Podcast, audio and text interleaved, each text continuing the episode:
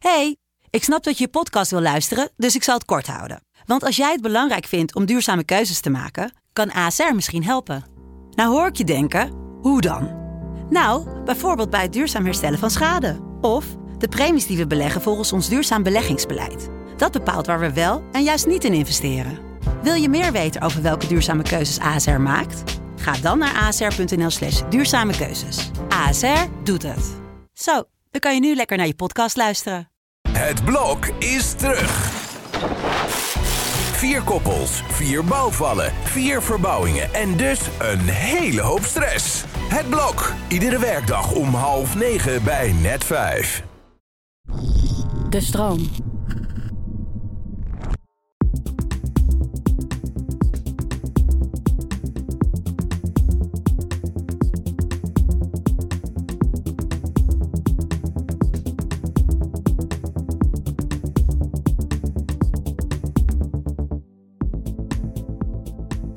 Dat je luistert naar de Podcast Psycholoog.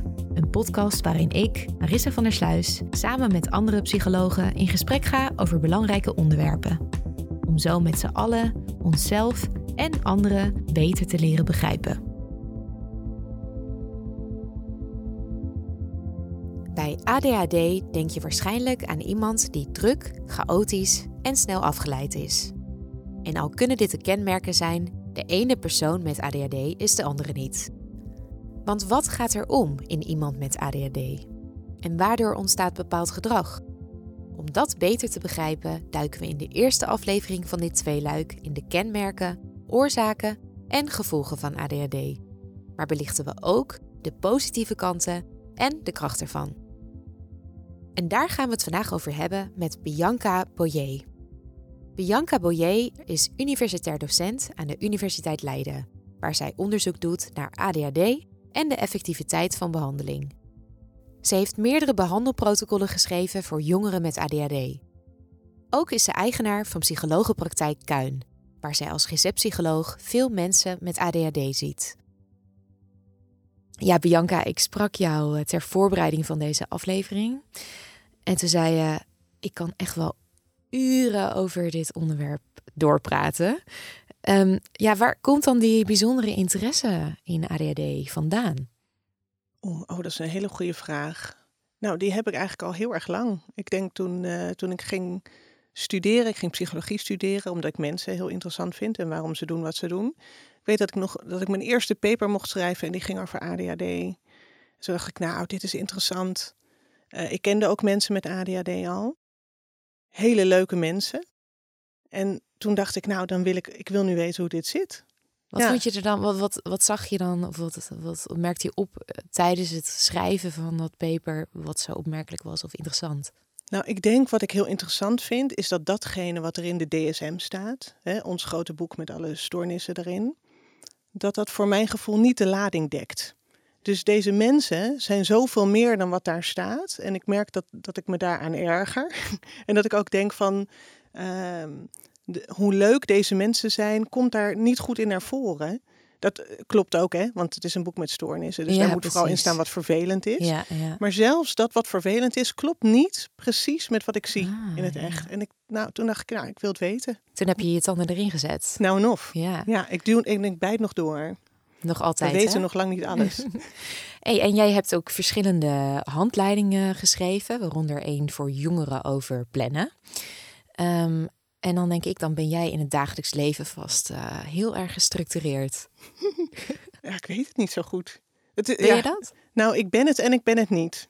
Oh. Dus juist omdat ik uh, mijn, mijn hoofd lekker chaotisch is en ik heel veel dingen leuk vind, denk ik dat het nodig is dat ik veel plan ja, dat zul je straks vast ook uh, horen terugkomen in mijn verhaal over ADHD. Want uh, alle dingen die bij ADHD horen komen ook voor bij mensen zonder ADHD. Um, ehm, en dit, dit is ook iets wat daarbij kan horen. Dat je heel hard gaat plannen zodat je maar overzicht krijgt. Ja, dat je Die, die chaos een beetje probeert te bedwingen met een uh, goede structuur. Ja, dus ik denk als je dan andere mensen zou vragen over mij, dat sommige mensen zouden zeggen, ze is helemaal niet gestructureerd. Van, ja, de, maar een heleboel mensen ook zouden zeggen, ze is juist heel gestructureerd. Ja, van de buitenkant ziet het er denk ik gestructureerder uit dan van binnen. Aha, aha interessant. Ja. Ehm, ja, en over structuur gesproken, laten we dit gesprek eerst maar eens beginnen bij het begin. Namelijk ehm, bij de vraag wat ADHD dan precies inhoudt eigenlijk. Nou, wat het op, op papier inhoudt, uh, is, is iets anders dan wat mij betreft wat het precies inhoudt. Dus ik begin even bij, de, bij het boek, bij de DSM. Ja, bij de formaliteiten. Ja, want daar stellen we toch de diagnose op uiteindelijk. Dus in de DSM ehm, hebben we onder de diagnose ADHD vallen twee symptoomclusters. En daarmee bedoelen we eigenlijk groepjes symptomen. Ehm, en het ene groepje symptomen of de ene cluster is, uh, zijn aandachtsproblemen. Uh, bijvoorbeeld moeite om je lang te concentreren op een taak. En dan moet ik erbij zeggen, een beetje een saaie taak. Als iets heel erg leuk is, is dat ook voor mensen met ADHD beter te doen. Um, repetitieve dingen bijvoorbeeld. Eh, repetitieve dingen zijn? Ja. ja. repetitieve dingen of hele monotone dingen of hele lange dingen. Uh, waar je dagen mee bezig moet zijn. Oh, ja, ja. dus, uh, maar ja, het, het kan ook een gesprek voeren zijn wat je eigenlijk niet zo bijster veel boeit. Hè, dat, nou ja, dat is, dus ook, in een sociaal opzicht zie je dat dus terug. Ook in sociaal opzicht zie je dat terug, ja. Maar ook uh, dat je het idee hebt dat, je, dat iemand niet luistert als je iemand aanspreekt. Of dat iemand als hij iets heel langs moet doen, dat hij dat uit de weg gaat. Bijvoorbeeld door heel lang uit te stellen. Het zijn allemaal dingen die onder die aandachtsproblemen horen. Uh, dingen vaak kwijt zijn, dingen vergeten. Mm -hmm. nou, dat heeft dus ook met aandacht te maken. En ik denk dat veel mensen denken dat dat met geheugen te maken heeft. Ja, oh, dat is interessant. Daar ga ik straks nog veel meer over vertellen. Oké, dan parkeren we dat even. Die parkeren we ja. eventjes. Maar dat klopt inderdaad. Dan is er dat andere groepje, hè, symptomen, dat andere cluster, dat heet hyperactiviteit en impulsiviteit. En hyperactiviteit is met name drukgedrag. Uh, dus in de DSM staat bijvoorbeeld zo'n symptoom um, rent rond alsof aangedreven door een motor.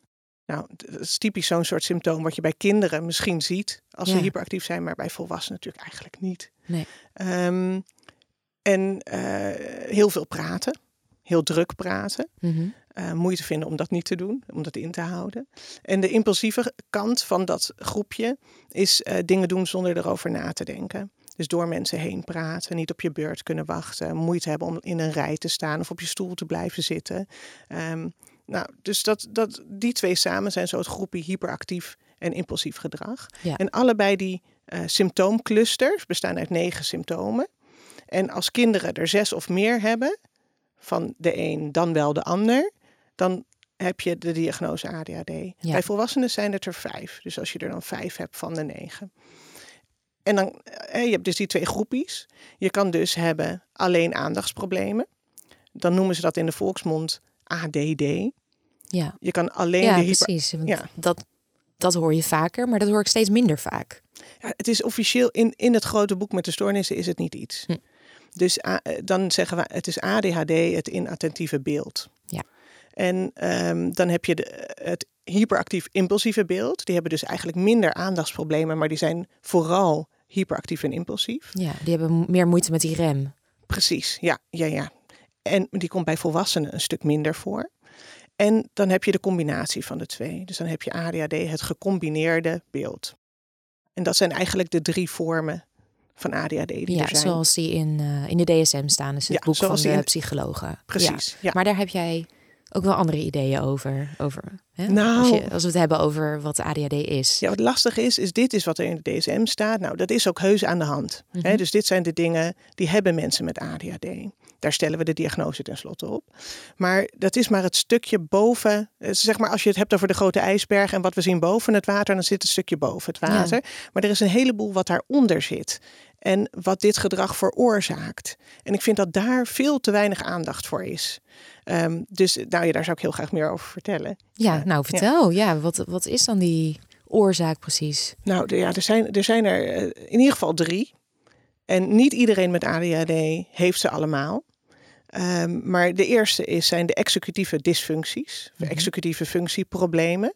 Eh, dat is volgens mij in andere afleveringen ook al wel voorbij gekomen. Bij autisme zie je die ook bijvoorbeeld. Eh, ook al zijn die net even anders dan bij ADHD. En wat zou je kunnen uitleggen, toch nog even voor deze luisteraars, eh, wat executieve functies zijn? Ja, executieve functies zijn eigenlijk de controleprocessen van het brein. Die zitten zo helemaal voor in het brein, in het prefrontaalkwab. En ehm, die maken doelgericht gedrag mogelijk. Eigenlijk zou je kunnen zeggen, het is de manager van je brein. En daar horen allemaal verschillende vaardigheden onder. Een soort paraplu-term, er valt van alles onder. Ehm, waaronder aandacht. Nou, van aandacht weten we bij ADHD, daar hebben ze moeite mee, want daar stellen we de diagnose op. Maar een van de executieve functies waarvan we ook weten dat dat echt anders is bij ADHD dan bij neurotypische mensen, uh, is het werkgeheugen. Je noemde net al het geheugen. We weten eigenlijk, we hebben eigenlijk het idee inmiddels dat geheugenproblemen misschien wel nog meer op de voorgrond staan dan die hmm. aandachtsproblemen. Maar dat ziet er het ziet er een beetje hetzelfde uit. Ah, ja, dat is moeilijk te onderscheiden heel moeilijk in die top van die ijsberg, zeg maar. Ja, precies. En al die executieve functies die werken op elkaar in. Dus het is heel moeilijk om ze uit elkaar te halen. Maar dat werkgeheugen, dat betekent eigenlijk dat je informatie die je nu nodig hebt, dat je die even in je hoofd kan houden. Ja. Dus dat betekent bijvoorbeeld dat als wij nu met elkaar praten, dan moet jij terwijl ik praat eigenlijk ook onthouden wat ik net al zeg of wat ik nu aan het zeggen ben. En als ik dan mhm. bijvoorbeeld even stop met praten. Ja. Ik moet weten waar we heen gaan. Ja, ik moet op heel verschillende niveaus dingen onthouden en vasthouden in mijn werkgeheugen. Ja, maar als stel dat lukt jou niet, dan ziet dat er voor mij uit alsof jij moeite hebt om je te concentreren op wat ik zeg. Ja, ja. ja. Maar eigenlijk betekent dat dat het heel moeilijk is om dat wat je nodig hebt in je hoofd te houden. Hm. En dat zie je erg bij ADHD. En dat heeft dus invloed op echt van alles. Want je moet de hele tijd onthouden waar je mee bezig bent. Of wat je aan het bespreken bent. Of wat je eigenlijk zou moeten doen. Ja, we hebben het voortdurend nodig. De hele tijd. Ja. de hele tijd. Nou, en dat werkgeheugen is dus ontzettend belangrijk. Wat ook hoort bij die executieve functies is inhibitie. Inhibitie betekent eigenlijk dat je een soort automatische neiging kan tegenhouden. Dat is eigenlijk het omgekeerde van impulsiviteit. Zeg ik dat nou goed? Inhibitie, iets inhouden. Impulsief is iets doen zonder in te houden. Ja. Ja, dat is het omgekeerde van impulsiviteit. Ja, dus het is logisch hè, dat mensen met ADHD daar moeite mee hebben. Ehm, maar prioriteiten stellen is bijvoorbeeld ook iets wat moeilijk is. Dat hoort ook bij executieve functies. Wat je dus merkt bij mensen met ADHD, is dat eigenlijk alle prikkels die binnenkomen, dat kunnen dus zintuigelijke prikkels zijn. Alles wat je ziet, mhm. alles wat je hoort, alles wat je voelt, ehm, maar ook alles wat je denkt, uh, lijkt een soort lijkt een hele hoge prioriteit te hebben. Ja, ja. Dus als je denkt bijvoorbeeld aan je mailbox en je opent die, je hebt heel veel mails en sommige hebben zo'n uitroeptekentje, weet je wel, van die is echt urgent. Mhm. Die moet je echt, dan klik je daar als eerste op. En een brein van iemand met ADHD heeft eigenlijk overal uitroeptekentjes bij. Dus dat betekent dat de wereld heel chaotisch is, want het is dus heel moeilijk om te bedenken. vloedgolf van eh, prikkels die binnenkomt. Ja. Dus waar besteed je dan je aandacht aan? Waar ga je je focus dan op doen? Dat is echt ontzettend moeilijk. Ja. Dus als je dan dat werkgeheugen hebt, uh, die inhibitie die moeilijk is, uh, de aandacht die moeilijk is, uh, dit is moeilijk. En dan doelgericht gedrag. Dus dan plannen en organiseren. Dat is echt. Ja, dat kost nou, drie keer zoveel moeite. Dat kost echt drie keer zo. is ongelooflijk vermoeiend. Ja. Dus dat betekent eigenlijk dat de wereld heel chaotisch is. En hebben het alleen nog maar voor die executieve functies. Dus dat is nog maar één van die dingen onder de ijsberg. De andere, ja. die ik zelf heel belangrijk vind, is dat het brein anders gemotiveerd is. Dus de motivatie wordt anders uh, geregeld. geregeld in het brein. Eigenlijk zou je kunnen zeggen, het brein van mensen met ADHD is eigenlijk, heeft een stuk, minder, of een stuk meer moeite om gemotiveerd te raken. Met name uh, voor saaie dingen. Ja. Dus ik kan best, als ik iets heel saais moet doen, wat ik best lang moet doen, kan ik mezelf motiveren om dat toch te doen. Dat is voor een ADHD-brein ontzettend moeilijk. Ja, waar ligt dat dan aan? Goh, dat weet ze eigenlijk niet precies. Nee, dat is nog niet bekend. Nee, dat weten we eigenlijk niet precies. Hoe dat nou precies zo is. We weten wel dat in het beloningssysteem in het brein, dat er dus iets anders verloopt. die bedrading is anders, dat weten we. Dat weten we, maar we weten eigenlijk niet wel hoe, hoe dat daar dan komt. Ehm, maar dat betekent dus dat het heel moeilijk eigenlijk is om je eigen gedrag aan te sturen. Als je niet gemotiveerd bent. Mhm. Tegelijkertijd kunnen mensen met ADHD ook hyperfocus hebben. Dus dat ze zich enorm op iets richten. Dus dan is het brein juist heel erg gemotiveerd, zou je kunnen zeggen. Maar ze hebben zelf niet het knopje om van het ene brein naar het andere te gaan. Dus het gaat, die motivatie gaat veel meer in, in pieken en dalen dan dat ze het zelf kunnen reguleren en sturen. Ja, en je hebt niet de afstandsbediening. Nee die ben je kwijt. Die ben je kwijt. Dus dat is heel erg onhandig. En wat we daar ook van weten, is dat mensen met ADHD veel, uh, dat het veel belangrijker is om een directe beloning te hebben voor wat ze aan het doen zijn. Om gemotiveerd te zijn. Mhm. Dus niet over langere tijd of op afstand, maar Precies. Iets, uh, wat, voor soort beloningen hebben we het dan over? Nou, bijvoorbeeld, uh, ik, onderdeel van mijn werk is bijvoorbeeld lesgeven. Lesgeven is heel direct belonend. Ja. Dus ik doe het en ik heb meteen, nou, als het goed is, tevreden, blije studenten die het interessant vinden. Ja. En dat krijg ik meteen terug. Nou, wat ik ook moet doen is artikelen schrijven. Dat is heel, heel veel werk. En dan moet ik heel lang typen achter mijn computer. Dat is nou typisch zoiets waarvan de beloning pas over een hele lange tijd is. Van pas als het helemaal af is en het is de wereld in. En ik kan het vertellen aan mensen. Nou, dan is het pas belonend. Maar toch lukt het mij wel om dat saaie artikel te typen. Hm. Gewoon omdat ik iets in de lang, op de lange termijn belangrijk Ja, vind. voor- jij kan dat in je, in je hoofd houden, Ja. die beloning op lange termijn. Ja, en ik kan hem voelen ook. Dus het drijft mij ook. Maar voor mensen met ADHD is dat veel mi- minder. Die voelen eigenlijk niet zo de waarde van die beloning op die langere termijn. Dus het is veel belangrijker dat het nu interessant is of nu leuk. Of dat nu iemand zegt, jeetje, dat doe je goed. Hè, of laten zien, goh, super. Ja. Nou, dus dat, dat hoort ook een beetje bij die motivatie. Mhm. En Ja. zo zit het leven natuurlijk op dit moment vaak niet in elkaar. Dat je die, meteen die directe beloningen hebt. Dus dat maakt het wel moeilijk om in deze maatschappij te functioneren. Waarin we vaak een één radartje zijn in een groter proces. In plaats van ja, misschien decennia geleden, waarin je vaker iets deed waar je direct resultaat zag van jouw eigen werk. Ja, ja, dat is zo. Ja, en ehm, wat je ook ziet is dat op het moment dat dat brein wel gemotiveerd is, dat ook meteen die executieve functies veel beter zijn. Ja, dan gaat alles in één keer meer in werking. Alles lukt beter. Dus dit is ook waarom het voor mensen met ADHD zelf, maar ook voor hun omgeving, heel moeilijk is om in te schatten wat je nou van iemand kan verwachten. Ja. En dit is Zo waarom. inconsistent. Ja, dus juffen op de basisschool die zeggen dan al, ja, er zit zoveel in, maar het komt er niet uit. Of ouders zeggen, hè, gisteren lukte het je wel om gewoon je schoenen aan te doen en op tijd bij de deur te staan. Waarom lukt het nou vandaag niet?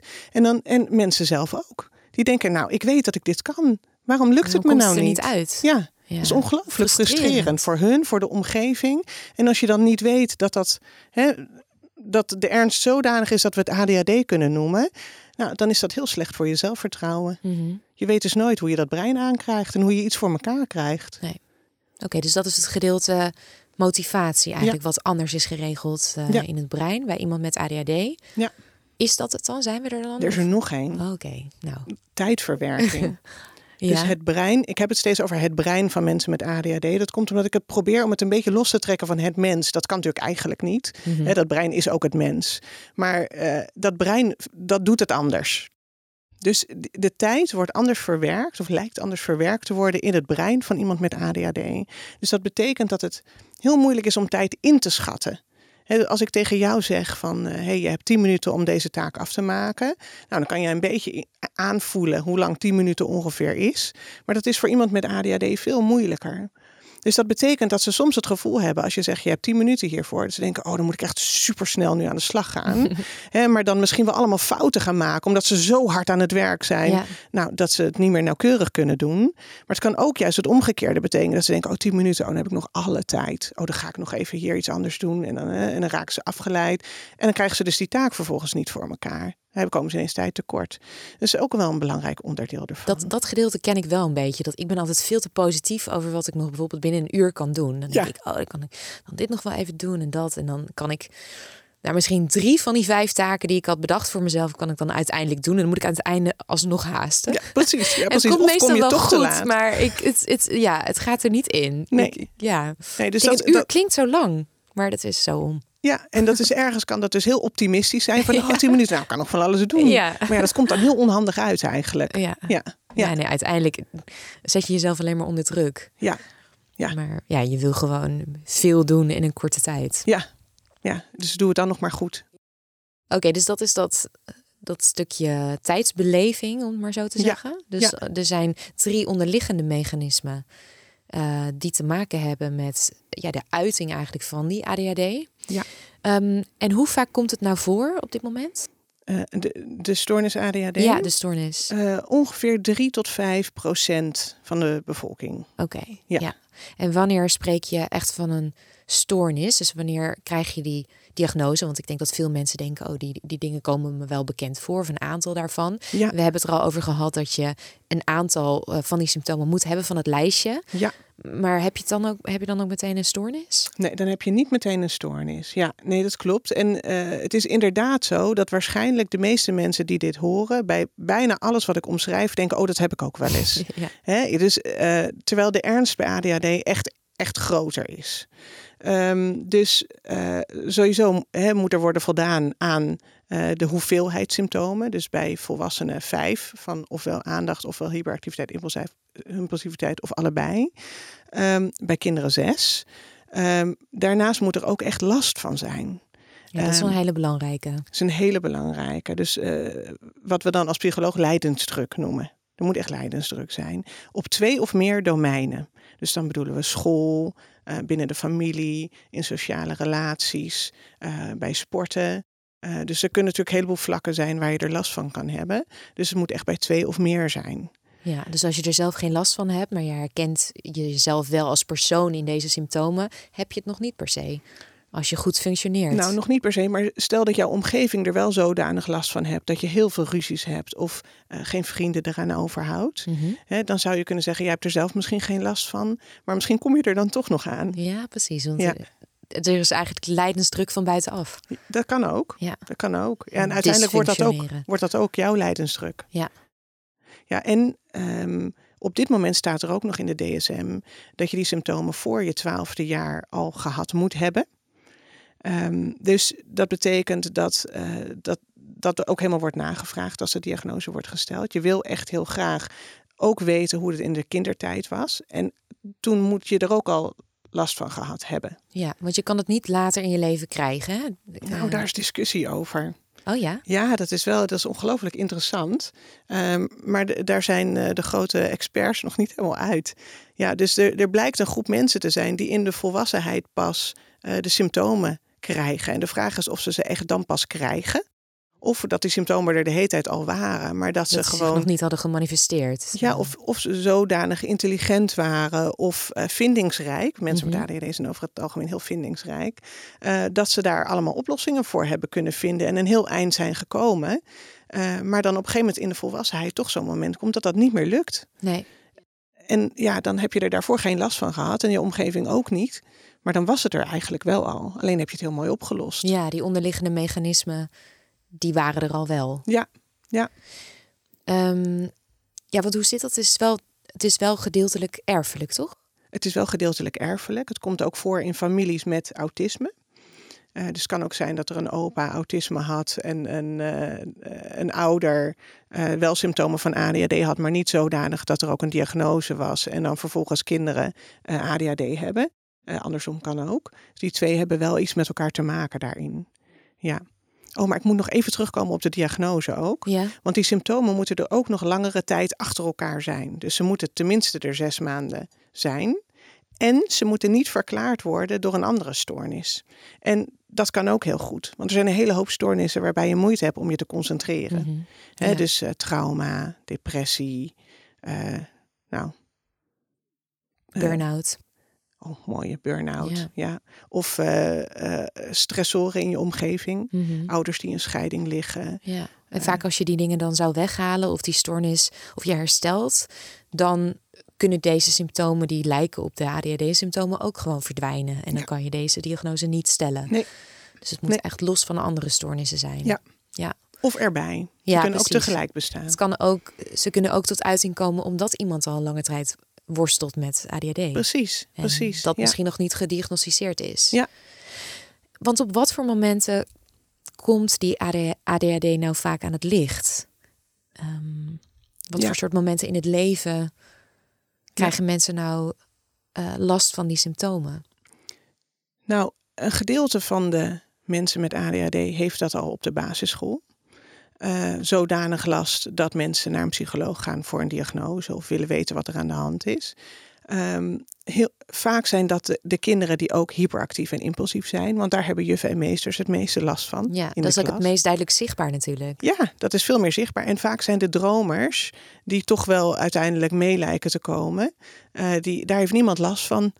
Die, uh, die hobbelen wel een beetje mee met de groep. Um, dus nou, die vallen het minste op. Uh, en die, komen dus, die krijgen het minst vaak nog de diagnose al op de basisschool. Mm -hmm. Waar uh, hebben die dan toch, als je terugkijkt op de basisschool, al last van? Waar ze wel al ja, last die dromers, van ja. Nou, dat ze informatie missen op school. Of dat ze moeite hebben met vrienden maken, omdat ze daarin ook veel informatie missen. Of op een ander tempo nadenken of bewegen of met andere dingen bezig zijn dan mensen zonder ADHD. Ja, maar ja, dan is het meer hun eigen dromerigheid. Dat ze denken, nou, ik zal toch vooral uh, uit het raam te kijken. Ja. Uh, dan dat je zegt van nou, er, er, liep van alles mis. Tenzij het ook al zodanig is dat ze niet meer de, meekomen met de stof. Nee, precies. Dan wordt het weer extern zichtbaar. Dan wordt het weer zichtbaar. Ja, meestal precies. is het in het kind zelf dat er Ja. dingen gebeuren. Waardoor ze een beetje gaan achterlopen, de Ja. dromers. Ja. Of net niet helemaal mee kunnen komen op sociaal gebied. Ja. Dus dat Of, is de, ba- de ehm, basisschool kindertijd. Ja, of dat ze bijvoorbeeld bij het, eh, wat je vaak ziet, is dat het ochtendritueel thuis, eh, maar ook het avondritueel met naar bed gaan, dat dat de dingen zijn die ingewikkeld kunnen zijn. Dus als iemand heel erg dromerig is, dan moeten ouders dus duizend keer zeggen: ga nou je schoenen aandoen, ga nou je tanden poetsen, heb je boterhammen op. Hè, en dan kan het ouders dus wel opvallen dat iemand dromerig is en daardoor niet nou, meekomt in de ochtend. Ja, ja, niet echt vooruit te branden is. Nee, nee, nee. Nee. Oké, dus dat is echt de kindertijd. Ja. En zijn er nog andere momenten in, de- in, de, in de levensloop, zeg maar, waarop het gaat opvallen misschien? Ja, nou en of. Er, komt, eh, er is een hele groep die op de middelbare school juist heel zichtbaar wordt. Eh, vaak zijn dat dan eh, de, de dromerige types. Ah ja, Die ja. op de middelbare school toch gaan achterlopen op school. Merken dat ze de stof niet kunnen bijbenen. En vervolgens is er eigenlijk naarmate me- mensen verder ontwikkelen. Ieder moment dat er extra dingen bijkomen in het leven, is weer een moment dat ADHD kan gaan opvallen. Dus het kan zijn dat iemand ook de middelbare school goed doorkomt, ook al heeft hij ADHD, maar op het moment dat ze gaan studeren, eh, dan wordt er eigenlijk een nog groter beroep gedaan op die executieve functies. Want hoe ouder je wordt, hoe meer je zelf moet plannen en organiseren Ja. in het leven. Tot de middelbare school is die structuur nog wel aardig aangebracht over het algemeen. Ja, maar wel veel minder dan op de basisschool. Ja, precies. Dus Al? dat is al een dat kan komt al een al een struikelblok zijn. Maar als je dan zou gaan studeren, dan valt er nog meer van die structuur weg. Ja. En je moet het dus steeds meer ook op je eigen motivatie doen. Nou, dat is dus precies een probleem. Nou ja, en vervolgens zou je zelfs die studie nog door kunnen komen. Maar bijvoorbeeld, eh, nou ja, en dan ga je natuurlijk op jezelf wonen. Moet je nog meer zelf organiseren. Dat is ook al behoorlijk pittig. Dan kan het ook nog zijn dat je op het moment dat je pas kinderen krijgt. Nou, moet je nog meer executieve functies hebben. Want dan moet je dus het leven voor jezelf en je hele gezin Ja, zien te organiseren. een grote multitask eh, Precies. een Dus wedstrijd. Ja, dus eigenlijk ja, gaandeweg die hele levensloop kan het nog boven tafel komen. Alleen vaak zie je het op het moment dat er ineens een hele berg extra executieve functies en motivatie nodig zijn. Ja, ja. Dus door de omstandigheden die steeds meer gaan vragen, wordt eigenlijk eh, ja, dat onderliggende mechanisme, wat niet altijd helemaal werkt, wordt blootgelegd. Ja. En daardoor komen die, eh, ja, worden die symptomen ook erger. Ja. Eh, hoe verschilt ADHD in de kindertijd ehm, ten opzichte van de volwassenheid? Nou, de symptomen van ADHD die eh, veranderen eigenlijk mee. ehm, van de kindertijd naar volwassenheid. Wat je ziet is dat de aandachtsproblemen eigenlijk gelijk blijven. Maar dat de symptomen van hyperactiviteit en impulsiviteit, zoals ze in de DSM staan, moet ik erbij zeggen, dat die afnemen. Dus eh, wat ik net zei, van eh, rent rond alsof aangedreven door een motor. Ja, dat is niet passend bij de volwassenheid. Ook al zou je dat bij een jongetje van zes nog best voor je zien. eh, in de volwassenheid zie je dat niet meer. Nee. Als, hè, vaak. Nee, niet in die vorm, wel Nee. in een andere vorm. Nou, wat je heel erg hoort van mensen met ADHD is dat de onrust die eerst lijfelijk was en heel zichtbaar was, dat die nu in hun hoofd zit. Ja, ja. Dus je, hè, dat brein rent nog steeds rond alsof aangedreven door een motor. Mhm. Alleen dat is niet meer zichtbaar aan de buitenkant. En ik vind het er daardoor af en toe, hè, daardoor voldoen mensen af en toe niet meer aan de diagnose officieel tegen de tijd dat ze in de volwassenheid zijn gekomen. Dan komen ze er gewoon niet meer aan, zoals het in de DSM staat. Terwijl eigenlijk we er steeds meer achter komen dat het een stoornis is die heel vaak niet weggaat. Nee. Dus van de kinderen met ADHD voldoet in de volwassenheid nog 70% echt aan de diagnose. Maar die andere 30, daarvan weten we eigenlijk wel dat die onrust in het hoofd en eh, het cha- chaotische gevoel eh, en al die prikkels, dat dat nog wel blijft. En dat ze daar ook last van blijven houden vaak. Ja, ja. En Ja. dat je er misschien wel in je volwassenheid beter mee leert omgaan. Of er misschien een manier voor hebt gevonden. Maar ja, dat, dat onrustige, dat aangedreven door een motor, zeg maar, Ja. dat, dat, dat is er. Dat dat wel Nog blijft. steeds, ja. ja. Ja, en de context maakt ook enorm uit. Dus als jij uh, thuis in een hele gestructureerde omgeving opgroeit, omdat je ouders heel gestructureerd zijn, of je had leerkrachten die dat heel erg waren, dan komt die ADHD ook minder tot uiting. Um, dus op het moment dat jij ook als volwassen persoon met ADHD een partner kiest die heel geordend en gestructureerd is, nou dan zou het kunnen dat je er daar helemaal niet zo heel veel van merkt. En op het moment dat jouw partner ook, uh, nou ja, lekker druk en chaotisch is, dan zou het kunnen dat je veel meer merkt van je ADHD of er veel meer tegenaan loopt. De context is ook heel erg belangrijk daarbij. Ja. Uh, en is er een verschil tussen mannen en vrouwen? Vaak hoor je dat het bij vrouwen uh, later aan het licht komt, maar ook dat het zich anders manifesteert. Hoe zit dat? Ja, er is een verschil tussen mannen en vrouwen. En nou ja, dat geldt natuurlijk eigenlijk voor alles wat ik zeg, maar ik overgeneraliseer natuurlijk, want iedere persoon met ADHD is anders. Um, maar als je over het algemeen kijkt naar mannen en vrouwen met ADHD, dan zie je dat mannen met ADHD vaker, in ieder geval in de kindertijd, dat hyperactieve impulsieve gedrag laten zien dan vrouwen. Dus vrouwen hebben vaker dat aandachtsgestoorde subtype of inattente uh, beeld. Um, dus die vallen vaak minder op op de basisschool. Die krijgen dus ook minder vaak de diagnose al op de basisschool dan jongens. Um, daarnaast is het zo dat mensen met ADHD vaak um, uh, comorbide problemen ontwikkelen. Dus uh, stoornissen die ermee samengaan of ervan uit ontwikkelen soms ook. En dan zie je dat bij jongens dat vaak meer de externaliserende stoornissen zijn, zoals gedragsproblemen of agressie, uh, verslaving. Terwijl bij de meisjes het vaak meer de internaliserende problemen zijn. Dus faalangst, sociale angst, depressie. Mm -hmm. dus daarin verschillen zij ook van elkaar. Ja. Um, en betekent dat dan ook dat het bij vrouwen later aan het licht komt? Vaak wel. Uh, en hebben ze dan ook al uh, andere manieren ontwikkeld om met die ADHD om te gaan? Um, nou, vaak uh, komt het veel later aan het licht dan bij jongens. Ik bedoel, dit is ook het verschil tussen de, de ADD, de alleen de inattentieve problemen, en als je ook hyperactief en impulsief bent, maar dat is dus ook bij meisjes zo, dat het daardoor later aan het licht komt. En wat zei je daarna? Ja, of ze, oh ja, of ze dan beter, of ze al manieren hebben ontwikkeld om daarmee om te gaan. Dat vroeg ik. Ja. Nou, dat zou wel kunnen. Um, bij meisjes zie je vaker een soort hele perfectionistische copingstijl. Dus dat ze zodanig chaotisch voelen dat ze heel erg hun best gaan doen om de orde en overzicht te houden. Mm -hmm. uh, maar zich daarbij ook in details kunnen verliezen. Dus de meisjes die ik zie in de praktijk bijvoorbeeld, die kunnen dan prachtige huiswerkschema's hebben bedacht. En dat met allerlei kleurtjes en mooi. Het ziet er dan helemaal perfect uit, maar daar zijn ja. ze dan eindeloos mee bezig geweest in plaats van dat ze hun huiswerk gingen maken. Ja. Um, dus je verliest dus, je dan in het middel in plaats van.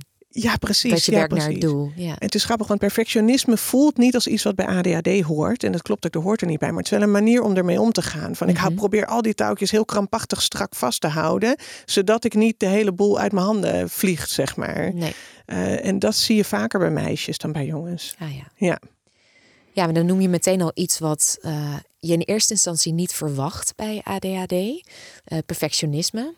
Um, ja, en zijn er nog andere kenmerken die je vaker tegenkomt bij mensen met ADHD, die niet op het lijstje staan, zeg maar, van de ADHD-criteria in de DSM? Ja, nou zeker. Een van de dingen die ik enorm mis in de DSM en meerdere mensen met mij, uh, is de emotieregulatie. We, het wordt steeds duidelijker en steeds bekender dat mensen met ADHD echt veel meer moeite hebben om hun emoties te reguleren. Ze reageren met veel meer emoties op prikkels. Um, maar dat kan ook heel plotseling gaan. Dus het is alsof er een soort emotieknop uh, in hun brein zit en dat kan ineens omslaan. En dat betekent dus ook dat zeker bij volwassenen met ADHD, um, dat je bij mensen die enorm overprikkeld zijn met ADHD, dat dat er van de buitenkant geïrriteerd of bozig uit kan zien. Omdat eigenlijk, je zou kunnen zeggen, het leven op dat moment zoveel is. Ja. Uh, dat ze in een soort norsigheid belanden. In een ah. soort bozigheid. Dan is eigenlijk gewoon het allemaal te veel. Ja, op dat die moment. emmer zit als het ware gewoon te vol. De emmer zit te vol. Ja, en ja, dan alles maar, wat dan nog binnenkomt, dat is dan de druppel. Ja, en het kan dus een heel klein iets zijn. Ja. Uh, voor iemand die daarbij is, dat je denkt: hè, maakt dit nou dat die knop ineens omvliegt? Dat lijkt dan uh, onredelijk. Nou, het is misschien ook onredelijk, maar dat doet dat brein dus. Het is, er, zit, er is ook over die knop geen controle. Nee, maar daar is natuurlijk wel iets aan vooraf gegaan dat dat zich heeft opgebouwd. Maar dat was voor anderen niet zichtbaar, waardoor in één die omslag heel plotseling lijkt. Ja, ja zo is het. Ja, zo en is het. dat heeft natuurlijk ook wel effect op relaties, uh, lijkt me. Nou en of. Ja, dat kan dus echt heel lastig zijn voor de omgeving. Ja. Oké, dus die emotieregulatie is nog iets wat jij mist in het lijstje. Ja. Um, zie je nog andere dingen bij mensen met ADHD? Nou, wat, uh, waar ook nog helemaal niet zoveel aandacht naartoe gaat, maar waar ook uh, nog niet heel veel over bekend is, is um, iets wat de positive illusory bias heet. Okay, um, heb ik ehm, echt serieus nog nooit van gehoord. Nee, dat is wel heel interessant hoor.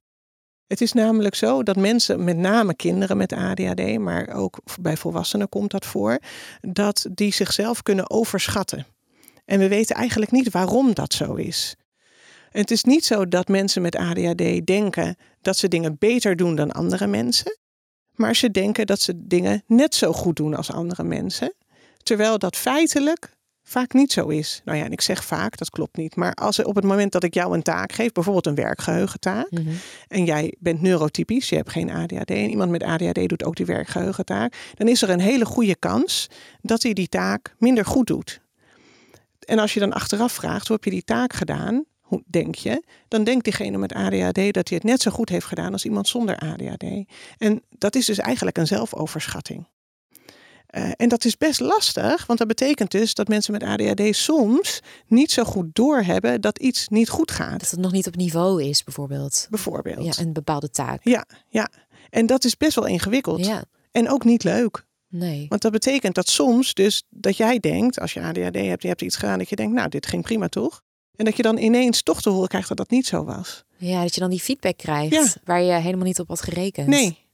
Nou, dat is natuurlijk ontzettend frustrerend en vervelend en verdrietig ook soms. En als je dat dan ook vaak te horen krijgt terwijl je het niet verwacht, mhm. heeft dat dan ook weer invloed uh, op iemand met ADHD? Ik kan me ook voorstellen dat je daardoor ja, dat je daardoor onzeker kan worden. Van kan ik dan nog wel vertrouwen op um, ja, mijn eigen beoordelingsvermogen van hoe ik het doe. Nou, dat klopt ook. Ja, dat klopt. En dat is ook het flauwe van dat brein. Ze hebben zelf heel weinig controle over wanneer dat brein optimaal presteert en wanneer niet. En als je dan ook nog niet helemaal aanvoelt of je dat nou hebt gedaan of niet, ja, daar word je dus heel onzeker van. En dat kan ook heel erg op je zelfvertrouwen werken. Dus je ziet ook dat naarmate mensen met ADHD ouder worden, dat er een grotere kans is op een negatief zelfbeeld daarbij. Want hoe moet je nog op jezelf rekenen? Als dingen misgaan de hele tijd. Terwijl jij wel de hele tijd echt je best doet. Want daar zit het hem niet in. Ja, en ze hebben natuurlijk al meer negatieve boodschappen gekregen, negatieve feedback. Uh, dingen zijn mislukt terwijl ze wel ontzettend hun best deden. Ja. Dus dat gaat op een gegeven moment natuurlijk wel knagen aan je zelfvertrouwen en aan je zelfbeeld. Ja. Uh, en mensen denken misschien ook dat je niet genoeg je best doet, terwijl daar zit het hem niet in. Nou, en dat is dat je flauw, lui bent. Zo ziet het er soms uit. Dus als ik zeg dat brein is niet zo gemotiveerd, hè, dan bedoel ik niet het mens is niet gemotiveerd. Alleen tegelijkertijd ziet het er soms wel zo uit. Ja. Dus dat brein gaat niet aan. Uh, nou, dat kan er bijvoorbeeld voor zorgen dat je te laat komt op een afspraak. Nou, voor degene die daar op jou zit te wachten, maakt dat misschien een ongemotiveerde indruk. Nou, en jouw brein was misschien ook ongemotiveerd, maar vaak zie je dat het mens ja. heel graag op tijd wilde komen. Ja. Maar het kost jou tien keer zoveel moeite als een, iemand met een neurotypisch brein. Dus iemand met een brein zonder ADHD. Ja. Ja. Um, ja, en al deze ADHD-symptomen hebben ook gevolgen voor je in het dagelijks leven. En misschien ook voor mensen in de omgeving. Wat zijn die gevolgen als we het hebben over school, werk, vrienden, liefde, financiën misschien zelfs? Ja, nou die zijn, die zijn heel uiteenlopend. Um, ja, als je bedenkt dat die executieve functies lastig zijn, motivatie lastig is, die tijd moeilijk verwerkt, er heel veel emoties zijn. Uh, en het soms moeilijk is om in te schatten wat je nou eigenlijk goed doet en misschien wel niet goed doet of niet handig doet. Uh, dan kan natuurlijk heel erg veel consequenties hebben. De, uh, misschien is de duidelijkste school. Mm -hmm van uh, ja, je, je, moet je hoofd erbij hebben, je moet je huiswerk kunnen maken om mee te komen. En wat je dus ook ziet, is dat mensen met ADHD nou vaker blijven zitten, vaker lagere cijfers halen dan andere kinderen in de klas. Hè, over het algemeen genomen. Ja. Ook lagere cijfers halen dan dat ze eigenlijk zouden kunnen. Kan zeggen, want dat heeft dan niet zoveel te maken met, met hun capaciteit of hun intelligentie. Maar ze worden gewoon tegengehouden door dat, dat brein dat tegenwerkt. Ja, Ja, het is alsof je dan tijd tegen de stroom in aan het zwemmen Ja. bent eigenlijk. Ehm, dus eh, op, je ziet dus ook de mensen met ADHD vaak op een lager schoolniveau zitten dan ze eigenlijk zouden kunnen. Ehm, je ziet ook dat, het, eh, dat ze vaker van school afgaan. Ehm, en ook moeilijker is om een baan te vinden die past bij wat ze eigenlijk kunnen. Ja, ja. En de vraag het systeem is, is, natuurlijk ook zo ingericht dat je moet zitten en luisteren. En het is ook wel saai. Ja. Vaak. Ja, Het is niet echt gemaakt voor een brein wat, wat meer prikkels nodig heeft. Of nee, dat klopt. alles wat, wat leuker verpakt is of spannender. Ja, ik vind het af en toe heel frustrerend hoor. Eh, als ik mijn cliënten zie met ADHD, dan gun ik ze dat op school, want dat is ook zo flauw, die schoolvakken, dat zijn ook helemaal niet de dingen die eh, leuk zijn voor een brei- ADHD-brein. Nee. En dan denk ik, dan hebben we hele creatieve mensen met een hele hoop mogelijkheden. Heel oplossingsgericht vaak en geïnspireerd. Maar die dingen, daar geven we geen cijfer voor. Of die worden niet getoetst. Of die Nee. doen er niet toe. Terwijl die doen er natuurlijk wel toe in het leven. Maar nog niet op de basisschool en ook niet op de middelbare school. Dus dat betekent dat je tot je achttiende soort vastzit in de dingen die niet jouw talent laten zien. nee. Dat is echt heel flauw. Terwijl, en we gaan het straks ook nog even over hebben. eh, ze hebben juist ook heel veel positieve kwaliteiten. Ja. Toen ik eh, bij, de, bij de, nou ja, wij zijn co- co- collega's geweest aan de UVA en toen ik daar eh, werkgroepen leidde, toen merkte ik dat, het, dat de studenten met eh, ADHD de allerleukste vragen stelden en de meest creatieve oplossingen hadden. Ja. Maar er is gewoon niet altijd de ruimte voor. Nee, nou dat is niet waar je je cijfer op krijgt op de middelbare school. Precies. Nee, ja. is echt heel Vaak ook niet bij je studie. Nee, nee, klopt. Nee, dus dat is één gevolg. Mhm. De school of studie. Ja, Ehm, werk ook. Ehm, financieel kan ook heel ingewikkeld zijn. Eh, geld uitgeven ehm, is heel direct belonend. Het is heerlijk om iets nieuws te kopen. En ehm, dat is precies wa- wat een ADHD-brein heel fijn vindt, om een directe beloning te hebben. In plaats van te sparen om je belastinggeld te kunnen betalen aan het eind van het jaar. Dat is echt ontzettend lastig, precies voor dat brein. Ehm, dus eh, ja, dan kan je heel gemakkelijk in geldproblemen kopen, omdat je meteen van alles hebt gekocht. Ehm, terwijl je dat geld eigenlijk misschien nodig had voor iets wat helemaal niet zo leuk is. Ehm, ook het doen van administratie is nou niet het soort taak wat een ADHD-brein vaak leuk vindt. Tenzij dat nou net je passie is, dan, dan weer wel natuurlijk. Ehm, maar ehm, dus financiën is ingewikkeld. Ja? Maar ook sociale relaties kan ontzettend ingewikkeld zijn. ja, want hoe zit dat? Bijvoorbeeld ehm, vriendschappen. Ja, nou, er zijn ontzettend veel executieve functies nodig voor sociaal contact. En wat je ziet, tenminste, dit is wat ik vind. Ik vind ADHD, mensen met ADHD vaak hele leuke mensen. Ehm kunnen vaak heel enthousiast zijn. En authentiek zie je vaak ook. Eerlijk. Impulsiviteit kan ze soms ook in de weg zitten. Want dat betekent dus dat je het al hebt gezegd voordat je hebt bedacht. hoe dit is misschien eigenlijk je niet handig blurt te de zeggen. dingen uit en je denkt later, "Pff, waarom zei ik dit Ja. in deze context? Maar dat maakt mensen ook authentiek. Ja, What you see is what you get. Dit is het gewoon. Nou, dat vind ik allemaal hele leuke, direct ook. Vind ik allemaal hele leuke eigenschappen. ja, ik ook. Ja, maar de tegenhanger is dat eh, dus mensen met ADD maken vaak heel gemakkelijk vrienden.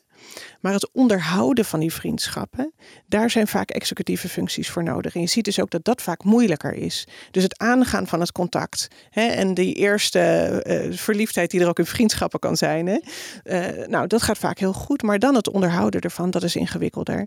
Ehm, wat je vaak ziet is dat bijvoorbeeld attent zijn. En dan bedoel ik eh, van hè, bijvoorbeeld, ik weet dat jouw oma net is overleden. Dat ik je af en toe app met hey, hoe is het nu? Gaat het wel eh, goed met je? Kan ik iets voor je doen? Of als ik je weer zie, te bedenken, oh ja, wacht, jouw oma was net overleden. Goh, hoe is het eigenlijk? Hoe was de begrafenis?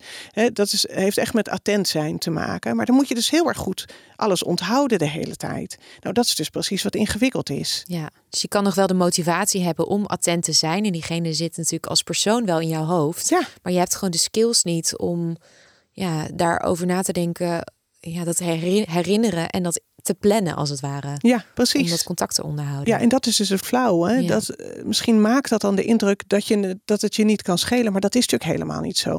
En wat je dan vaak ook ziet, is dat op het moment dat iemand zich dat realiseert met ADHD, van oh, ik ben vergeten, hè, dan kunnen ze zich meteen heel rot voelen over zichzelf.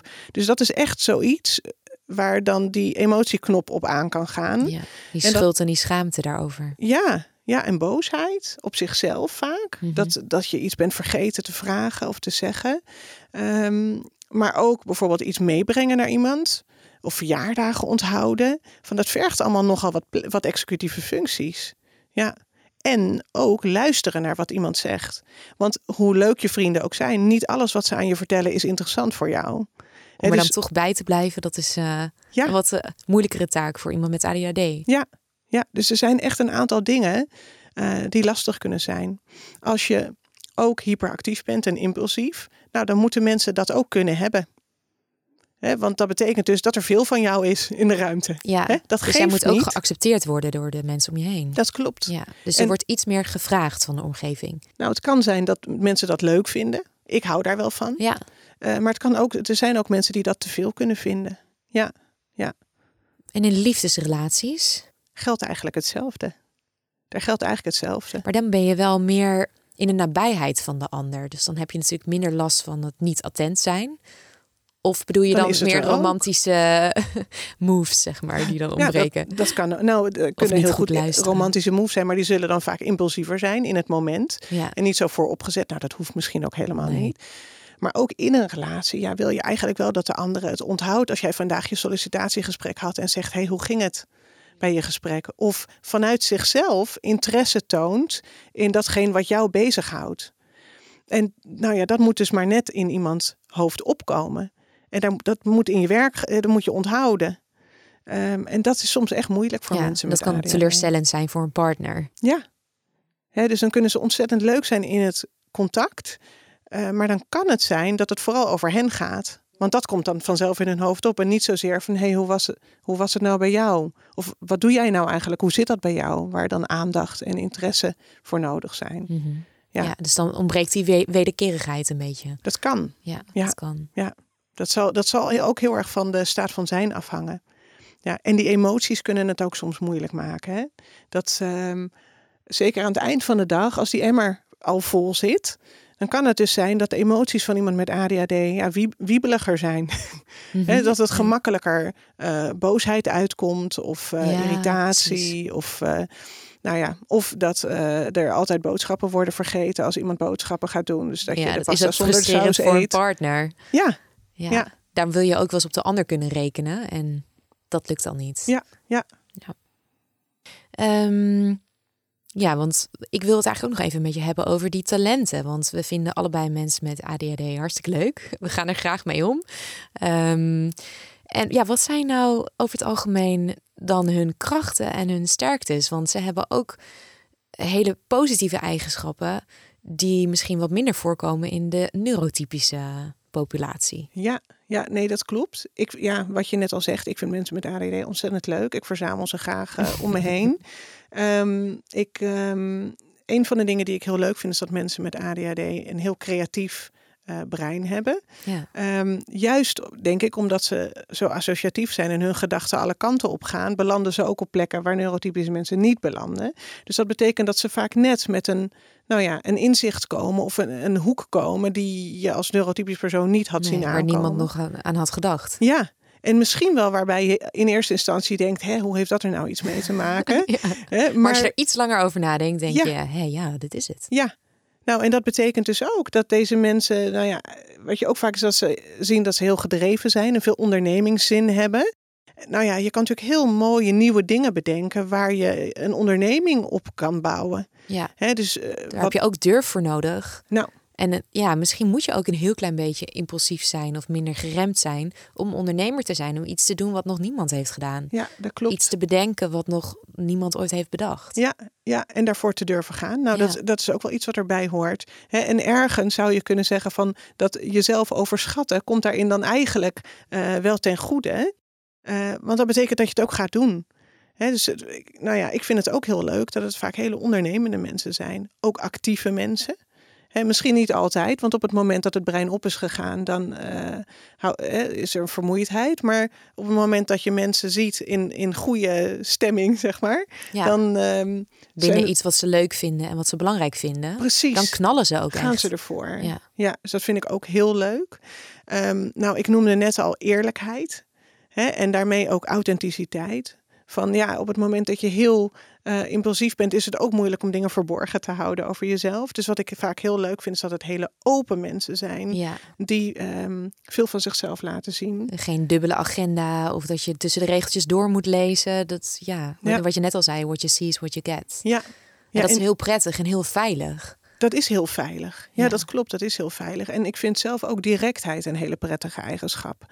Dus niet met allemaal woorden en allerlei boodschappen ja. die verstopt zijn ergens, maar gewoon, nou, het wordt meteen op tafel gelegd en dan, kun je, nou, dan kan je er ook wat mee. Ja, Dat vind ik zelf hele ja prettige ook eigenschappen. heerlijk. Ja. Ja, oh, en enthousiasme moet ik er ook wel bij zeggen. En de, de, het enthousiasme en de gedrevenheid samen. Ik denk dat die, ehm, nou ja, eigenlijk iedere groep mee kunnen trekken, zeg maar. Dat is juist heel motiverend voor de mensen om hen heen. En hoe zijn eh, mensen met ADHD in een leiderschapspositie? Oh, dat vind ik heel ingewikkeld om te zeggen. Daar, moet ik me, daar moet ik me een voorstelling van maken. Dat is niet echt ehm, evidence-based wat ik daar dan over vertel. Maar ik denk enthousiasmerend, Mhm. maar ook een tikkie chaotisch. Ja, dus, ehm, ehm, maar ik denk eigenlijk al deze dingen. Eh, enthousiasmerend, creatief, motiverend. Ehm, ja, ik denk dat je dat allemaal wel eh, dan terug zou zien. Ja. Maar dat het ook fijn is als daar iemand naast zit... die af en toe zegt van... oh, wacht, maar er stond nog iets anders op de agenda... waar we het ook nog even over ja moeten dat hebben. iemand je af en toe even terugtrekt. Ja, ja, Ja. en die af en toe eventjes de structuur erbij pakt... en de organisatie. Ja, Mhm. nou, noef. Je luisterde naar het eerste gedeelte van het tweeluik over ADHD. In deel 2 praten Bianca en ik verder over hoe de diagnose ADHD wordt vastgesteld. Ook gaan we in op wat je zelf kunt doen om om te gaan met je ADHD en hoe je omgeving je hierbij kan helpen. Kun je niet wachten tot deel 2? Dan kun je op de podcastpsycholoogclub.nl luisteren naar een rollenspel tussen een therapeut en haar cliënt, waarin zij samen, Bianca en ik dus, planningsvaardigheden oefenen. Als je wil, kun je zelf ook meedoen met deze oefening.